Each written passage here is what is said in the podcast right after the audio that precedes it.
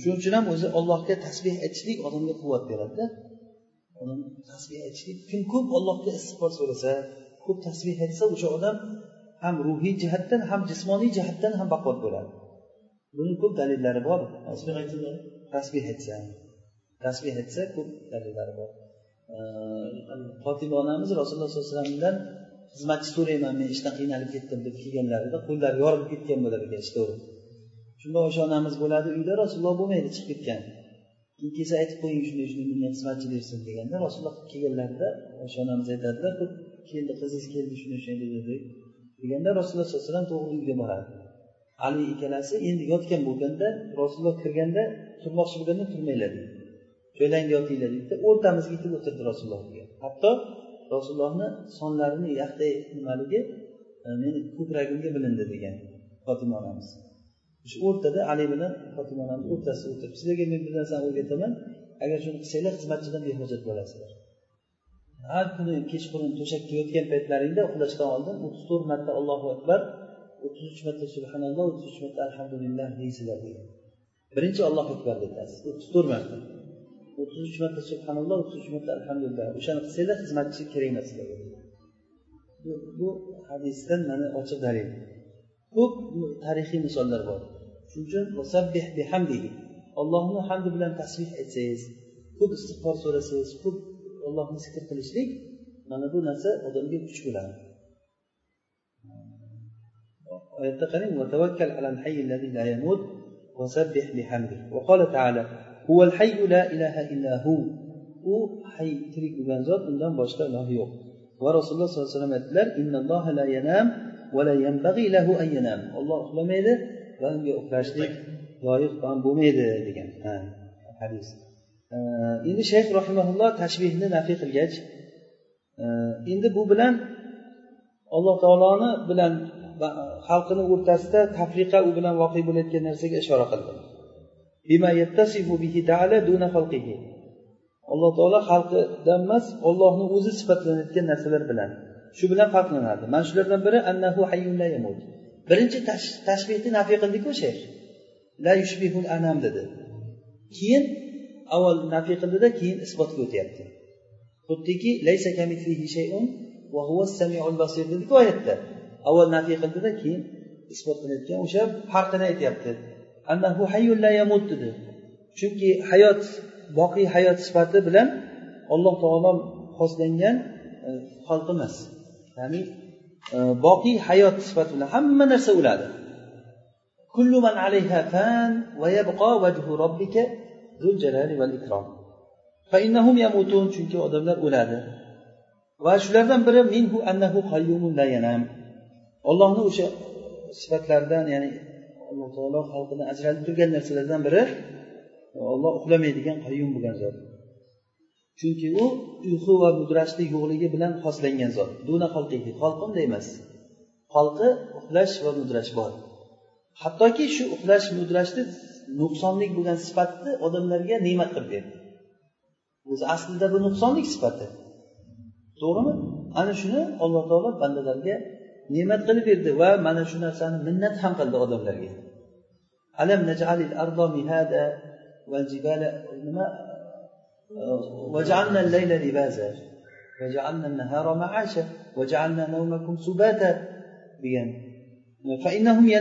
odamlar uxlaydi mana bu narsada ishora borki e, tashbihni nafiy qilishlikdan maqsad undan maqsad sifatlarni nafiy qilish emas ya'ni olloh o'xshamaydi degani demak uni sifatlari yo'q ekan degani emas bu muhim nuqta bu narsa shuni tushunib olish kerak ollohni sifatini isbotladi degani uni xalqiga o'xshatdi degani emas bu. Bal huva subhanahu mavsufun bi sifatil kamal. Balki alloh subhanava taolo kamol sifatlari bilan sifatlangan zoti komil bo'lganligi uchun. Hay al hayyu bi hayatin baqiya la yushbihu al hayya bi hayatin zaila. Boqiy hayot bilan tirik bo'lgan zot zoil hayot bilan tirik bo'lganga o'xshamaydi. Inson hay olloh ham hay. Lekin insonni hayoti qanaqa? Zoil bo'ladigan kim aytadi mangu qolaman deb qani o'sha oldingi jabborlar zo'ravonlar qani?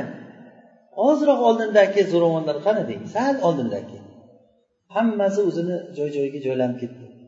Bizlar ham erta bir kun o'zimizni joyimizga joylanamiz. Alloh taolo oqibatimizni chiroyli qilsin. Har bir odam o'ladi. O'lmayman degan odamni o'zi yo'q. Yaqin kunda juda ham tez kunda allohga yo'liqadi odam. Va shuning uchun ham kanatil hayatu dunya mataan.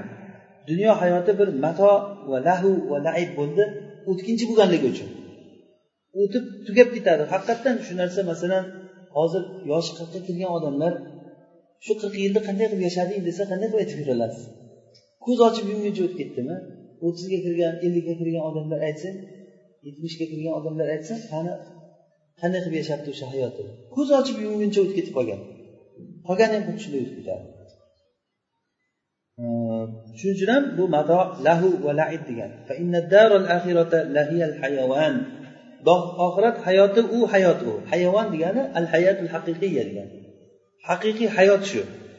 Tushunarlimi? Yashash shu. Fal hayat dunyo kalmanam dunyo hayoti xuddi tushga o'xshaydi. Oxirat hayoti xuddi uyg'oqlikka o'xshaydi. Endi aytilmaydiki mana bu oxirat hayoti mana komil oxirat hayoti komil u maxluqga berilyaptiku komil hayot deyilmaydi ya'ni jannatda jannatiylar mangu qoladi deyiladida mangu qoladi bu o'zi aqidada xilofiy bo'lgan narsa tushunarlimi aqidada jannat va do'zaxga odamlar kirgandan keyin jannatga kirgan odamlar hulut ya'ni doimiy bo'ladimi yoki bir vaqtlardan bir vaqtlar kelib jannatlar tugab ketadimi deganda o'sha rojihi doim bo'ladi. Doim bo'layotgan bo'lsa demak ollohni tirikligiga o'xshab qolmaydimi bu yerda doimiy hayot bo'ladiku hozir biz aytyapmizki farqi shuki insonlarni hayoti tugaydi. Ollohni hayoti tugamaydi. Jannatda oxiratga kirgandan keyin oxiratdagi komil hayot berilsa unda o'xshab qol desa nima deb javob beramiz?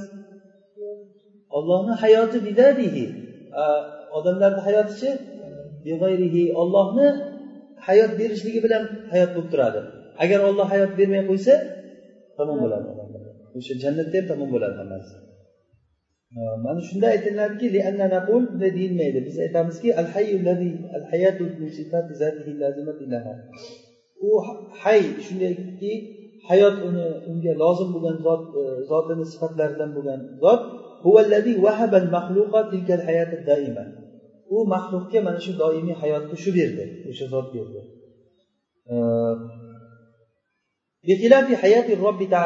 Alloh taolo unga doimiy hayotni berdi. Bu hayot doim bo'ladi alloh taolo uni doim qilishligi bilan.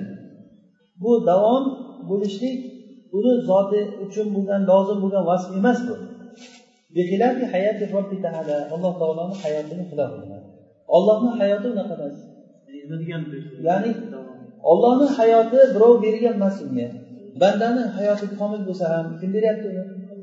Olloh beradi. Izzatihi emasda bandaniki bo'lyapti shu yerda farqi bor. Davomchi davomiyligi ham uni kimdan olyapti davomiyligi? O'zi bo'lyapti yo ollohdan olyapti? Ollohni berishligi bilan davom bo'lyaptida. Shu bilan farq qiladi.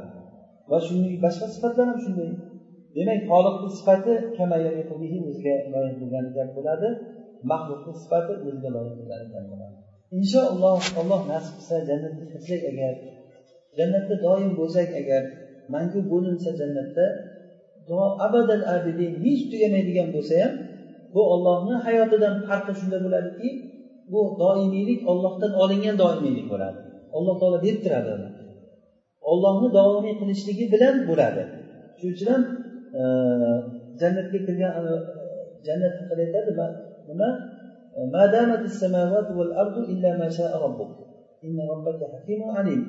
O'shanda modomiki osmonlar yerlar doim bo'lsa o'sha bu jannatda doim bo'laveradi. Illa masha robbuk borda. Olloh xohlasa demak bu istisno bo'lgandan keyin e, tugab qolarmikan degan xayol keladiku shunda tafsirida aytiladiki yo'q bu ollohni davom qilishligi bilan bo'ladi degan. bu davom o'zidan o'zi davom qilaveradi degani emas bu. Bu robbingni mashiati bilan bo'lsa bo'ladi mana shu ikkala ism. Bu ikkalasi qur'onda birga zikr qilingan uchta surada oldin o'tgan ekan. Bular alloh taoloni asmaul husnadan eng kattasidan. Hatto aytilganki ular ismul azam ham deyilgan ismi azam duosi deyiladiku. Agar alloh taolo shu bilan duo qilinsa olloh ijobat qiladi degan.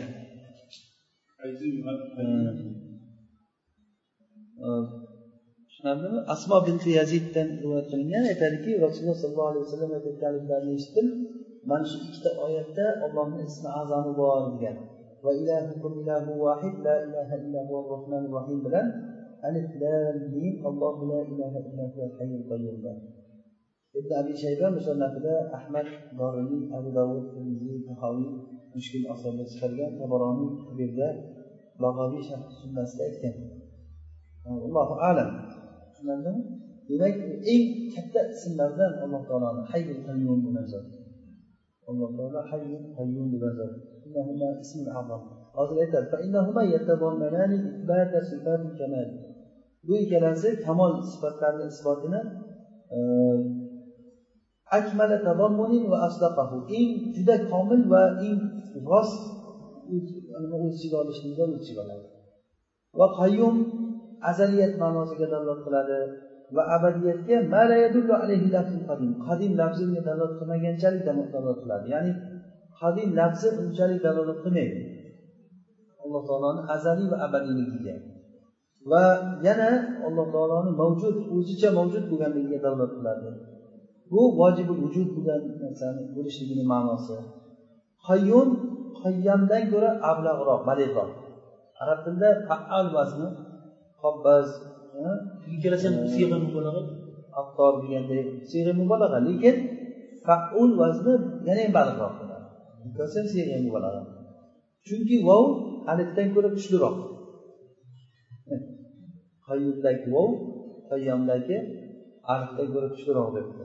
Shu ham endi bu qaysi bir jihatdan olingan gaplar luhatdan olingan gapda u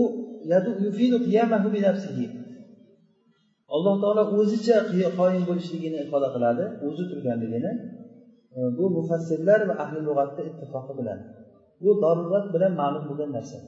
Ya'ni alloh taoloni qayyumiyati o'zini o'zicha o'zi bilanmi yoki boshqa bilanmi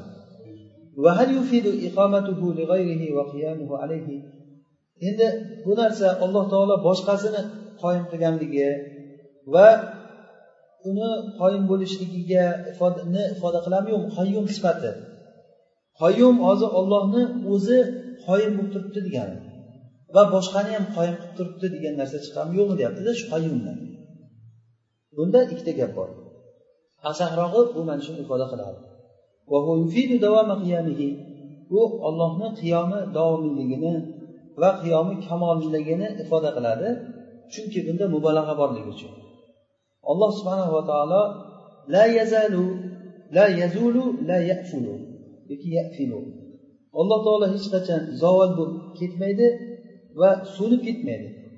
Yafilu xuddiki haligi oy botib ketadiku quyosh botadi. Dedi ibrohim alayhissalom o'sha botib ketmaydi. Chunki afil la qat'an. U ketdi. Ay la yag'ibu. Alloh taolo g'oyib bo'lmaydi. Va noqis bo'lmaydi. Va tugab ketmaydi. Va adam bo'lib yo'qolib ketmaydi. Balki u zot addaimul baqi allazi lam yazal va la yazalu mavsufan bi sifatil kamal. Kamol sifatlari bilan sifatlangan holda azaliy bo'lgan va azaliy bo'ladi. Ho'p hay endi o'sha qayyumda hay bilan kelishligi.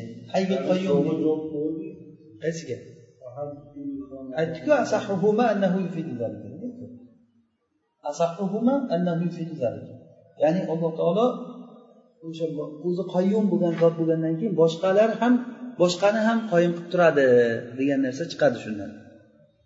Hop endi ixtironuhu bil hay qayyum sifatini hay bilan birga kelishligi bu lozim qiladiki keltirib chiqaradiki sairo sifati kamal boshqa kamol sifatlarni ham.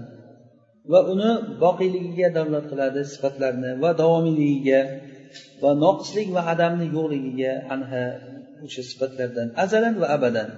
Doim oldindan ham va bundan keyin ham.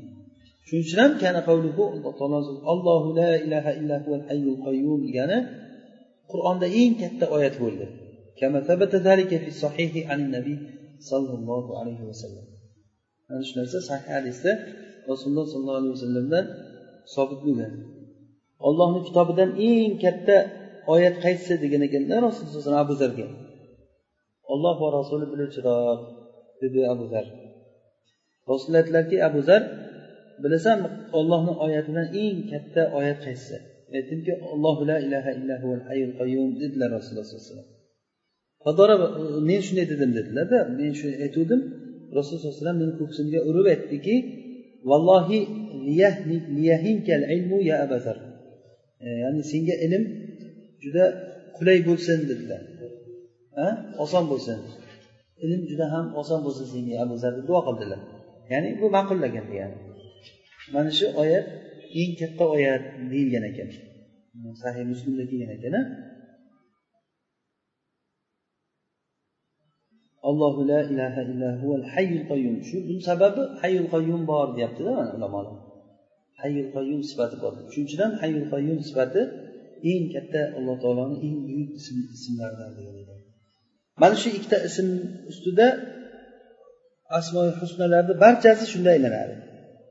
Va mana shu ikkovsiga ularni ma'nolari qaytadi chunki hayot jamiki komol sifatlarni keltirib chiqaradi. Ya'ni hayot bo'lgan zot unda kamol sifatlari hammasi bo'ladi.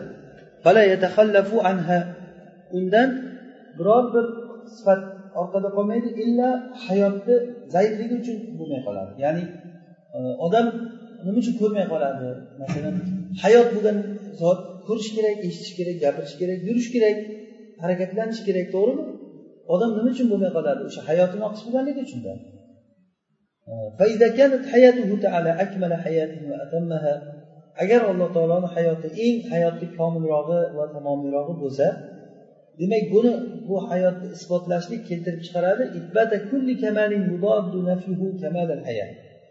Uni nafiy qilishlik hayotni komilligiga zid bo'layotgan barcha kamolni isbotini keltirib chiqaradi. Isbotini keltirib chiqaradi. Ammo qayyum bo'lsa alloh taoloni boyligini komilligini o'z ichiga oladi va qudrati komilligini. Chunki olloh o'zicha qoyim bo'lgan zot boshqasiga hech bir vazifdan muhtoj bo'lmaydi. Boshqasini qoyim qiluvchi zot. Shu lafzlarni odam takrorlayvergisi keladiki qalbimizga dori o'rnashib qoladi ya'ni alloh taolo hech qachon muhtoj bo'lmaydi. Boshqalarni qoyim qilib turadi va qoyim bo'lishligida boshqadan madad olmaydi. Bizlarni mana shu hozir meni gapirib turishligim ham qo'limni harakati ham ko'zimni ko'rishligi ham aqlimni ishlashligi ham hammasi qalbimdagi harakatlar hammasi alloh taoloni hozir yaratishligi bilan ollohni qayyumiyati bilan bo'lyapti shu narsa. Agar olloh bermasa hech nima bo'lmaydi to'xtaydi hamma narsa joyida la havla va la quvvata illa billah.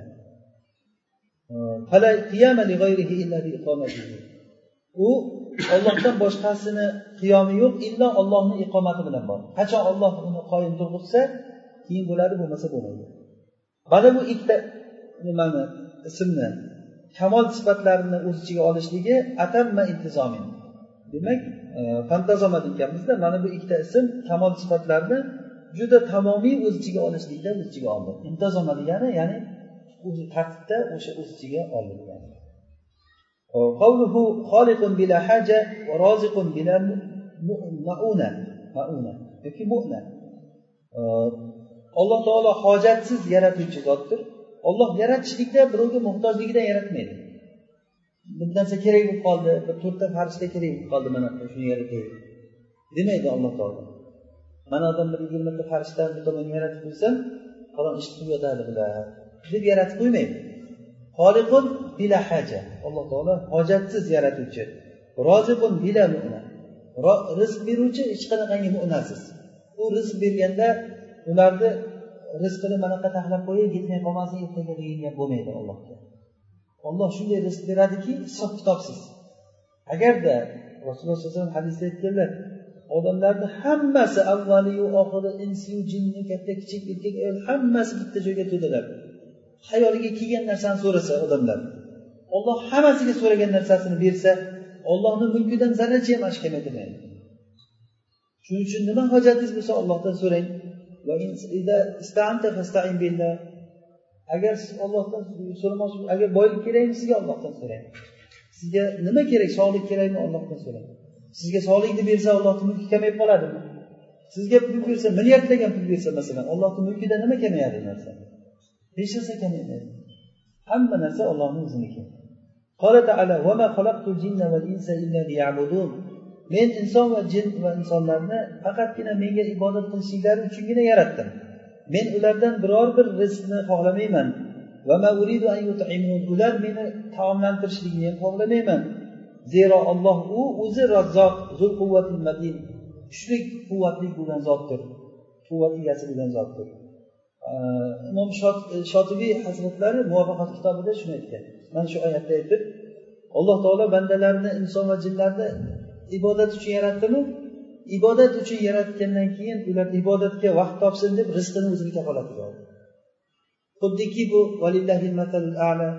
siz bir ishlasin deb bitta mardikor olib kelsangiz uni qornini to'qlash sizgami sizni ishingizni qilish uchun kelgan bo'lsa alloh taolo ibodat uchun yaratgandan keyin uni rizqi menga rizqing dedi. Qiziq joyi shundaki odamlar nima uchun kelganligini esdan chiqarib qo'yib olloh zimmasiga olgan narsani g'am chekdida bular.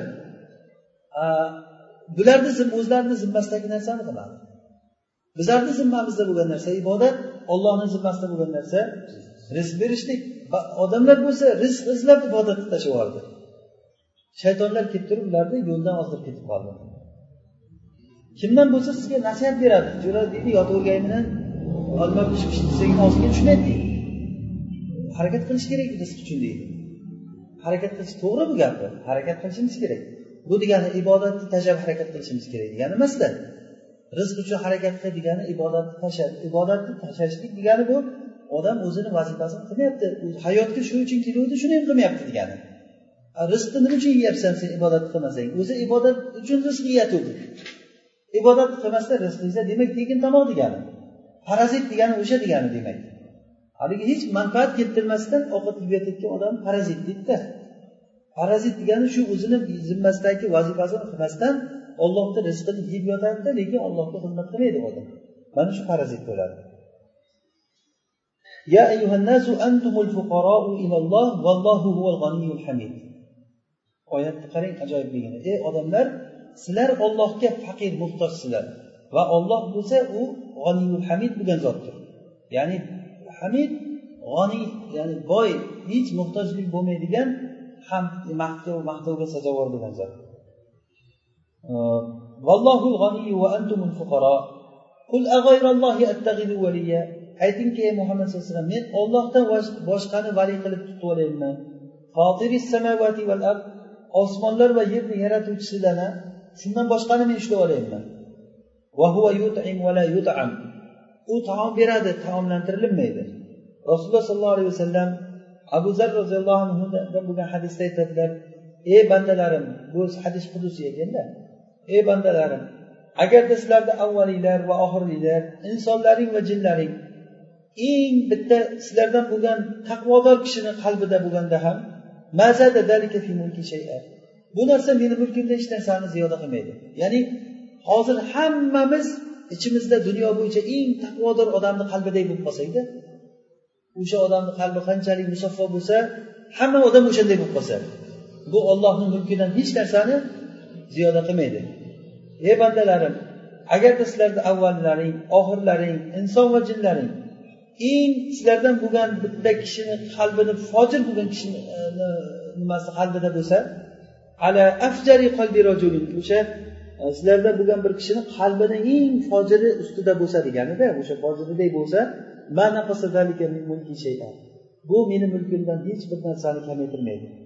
Ey bandalarim agarda sizlarni avvallaring oxirlaring inson va jinlaring bitta balandlikda tursa va mendan so'rasa men har bir insonga so'ragan narsasini bersam bu narsa menda kamaytirmaydi illo xuddiki e, ya'ni igna agar dengizga kirgizilgan paytda kamaytirgani kabi kamaytiradi ya'ni bu degani kamaytirmaydi deganda. Dengizga ignani bir sanchib olsangiz qancha kamaytiradi dengizdan? Hech narsa kamaytirmaydi degani xuddi o'shanday kamaytirishligi mumkin. Bu narsa hech qanday ollohni mulkidan kamaytirilmaydi degani. Hadis muslim bila mu'na degani bila fiqal vala kulfa. Hech qanday og'irliksiz va kulfatsiz. Unga mana uni buzib qo'yay. Mana buncha narsa omborxona qilib qo'yishim kerakmi bu ertaga tugab qoladi degan bir qiyinchilik o'ylaydigan narsa ta'minot e, taklifot bo'lmaydi. Bu ta'minot ha u boshqa. U uyni ham shu o'zi. O'sha bir xil bunday olsangiz bir biriga talozim ma'no hozir mana siqal va kulfatlar o'sha ta'minotdan kelib chiqadi. Ta'minotdan kulfat kelib chiqadida o'zi E, mumitun bila mahofatin baifun bila mashaqqa alloh taolo hech qo'rqmasdan o'ldiruvchi va mashaqqatsiz tiriltiruvchi zot. Ya'ni o'ldirsa oqibatidan qo'rqmaydi o'lib ketsa nima qilaman? Demaydi. Va mashaqqatsiz bais yana qaytadan bahs qilib tiriltirib oladi. E, mavt bu vujudiy sifat. Falsafachilarga xilofan va ularga muvofiq bo'lgan odamlarga xilofan bu. Ya'ni vujudiy sifat deganligi alloh taolo o'ldiradi degani bu adamiy sifat unaqa emas degan narsa. Masalan alloh taolo uxlamaydi desangiz uxlamaydi desa nima bo'ladi? Bu adamiy sifatda unaqa bo'lmaydi. Masalan uxlamaydi deganda vujudiy sifat shunaqa degan mo'min degani demak alloh taolo o'lim beruvchi zot deganida. Alloh taolo aytadiki olloh mavut va hayotni yaratdi. Demak mavut yaratildimi ha? Ular aytadiki mavut degani hayotni yo'qligi deydida. Falsafachilar. Mavut nima? Hayotni yo'q demak adamiy sifat deydi. Alloh taolo nima deyapti? Alladi xalaqal mavta val hayata deyapti. Xuddi xalaqal layla va nahara deganday kecha va kunduz ikkov ikki xil narsa yaratilganmi bu ham? Ana shunday o'lim bilan hayot ham yaratilgan. Sizlarni qaysinglar amalda chiroyli ekanligini imtihon qilishlik uchun. Adam uni maxluq bo'lishligi bilan sifatlanmaydi. Hozir alloh taolo xalaqol mavta deb mavtni xalq bilan sifatlayaptimi demak adam emas ekan. Mavt degani adam emas bu. Hadisda keladi mana va fil hadis innahu yu'ta bil mavti yawmal qiyamah. O'limni qiyomat kunida e, ala surati kabshin amlah. Amlah degani nima? Kulrang alloh alam kulrang kulrang bo'lgan nimani? Qo'chqor suratida olib kelinadi. Ayva shu kulrang deymizda kulrang bo'lgan nimani kabishni suratida olib kelinadi keyin jannat bilan do'zax o'rtasida so'yiladi e, falloh taala yaqlibuhu aynan. Agarchi u o'lim araz bo'lsa ham araz degani mana ranglarga o'xshagan narsalar. Ranglar arazda bu o'zicha turmaydi lekin bir narsada turadi u. Hozir rangda o'zi turmaydiku havoda. Nimagadir qo'shilib turadi. Qora oq rang sariq rang desangiz o'lim ham xuddi shunday nimadadir turadi u. O'shanday bo'lsa ham lekin alloh taolo qiyomat kuni uni aynga aylantiradi. Xuddiki e, amalu solihda kelgandek. Annahu yati sohibahu fi surati shabbil hasan. Solih amal o'zini sohibiga chiroyli bir go'zal yigit suratida keladi va qabih amal juda ham xunuk suratda keladi degan. Va qur'onda kelgan annahu yati ala surati shabbi shahid allavun u boyagi rangi juda ham horigan bir yigitni suratida keladi degan.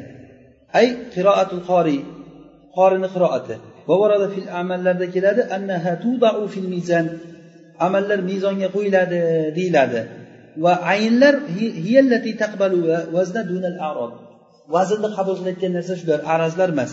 Demak taroziga qo'yilishligi uchun nima bo'lishi kerak? mana bu aynda bu. Taroziga qo'yish uchun o'yladi hozir masalan odamni o'zini temperaturani o'lchaymiz deydiku. Temperaturani chiqishligi tushishligi bu ayn emasda bu. Bu ma'no bu. Lekin taroziga qo'yilishligi kerak bo'lgan narsa nima edi? Ayn. Taroziga qo'yiladi.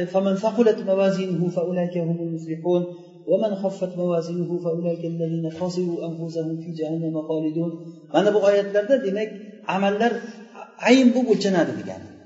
Xuddi shunday o'lim ham mavt ham araz bo'lsa ham qiyomat kunida bir suratda olib kelinadi deyapti. Mana hadisda kelyapti.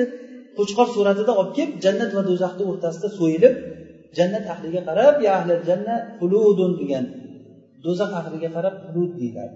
Bo'ldi. Demak bu xulud bo'ldimi? Bu jannat ahliga yana ham xursandchiligiga xursandchilik do'zax ahlini yana xafachiligiga xafachilik yoshtiradi o'lim degan narsa vujudiy sifat deyapti. Hozir mumitun bila mahofatin va baisun bila nima hajatin dediku e, bila mashaqqatin.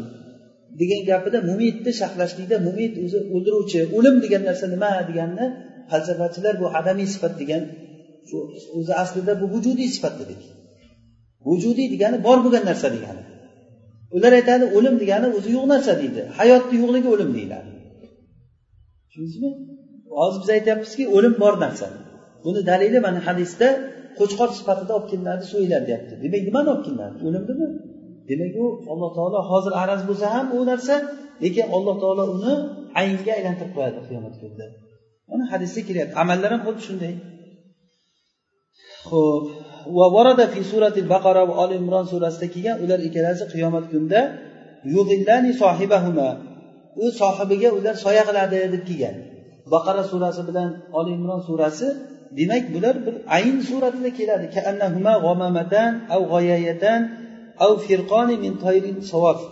Ular xuddiki bulutga o'xshaydi g'omama g'oyaya bir xil ma'noda. Bulut bo'lib keladi.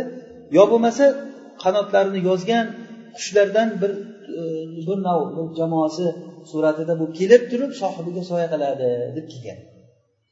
Demak buni ham alloh taolo qiyomat kunida o'zi qodirki aynga aylantirib qo'yishlikka.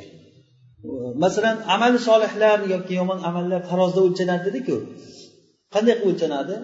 Demak bu ayn suratida kelib taroziga o'lchanishlik uchun taroziga qo'yilishlik uchun bu ko'zga ko'rinadigan bir narsa bo'ladi.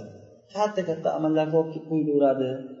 Butun tog'day tog'day amallar qo'yiladi deyiladi masalan. Tushunarlimi? Bu demak mavt ham xuddi shunday bo'laveradi degan. Va sahih hadisda kelgan bandalarni amallari osmonga ko'tariladi deb kelgan. E, bu bas va nushur haqidagi gap inshaalloh hali yana keladi. Dediku bu keladi hali inshaalloh. Allohu alam.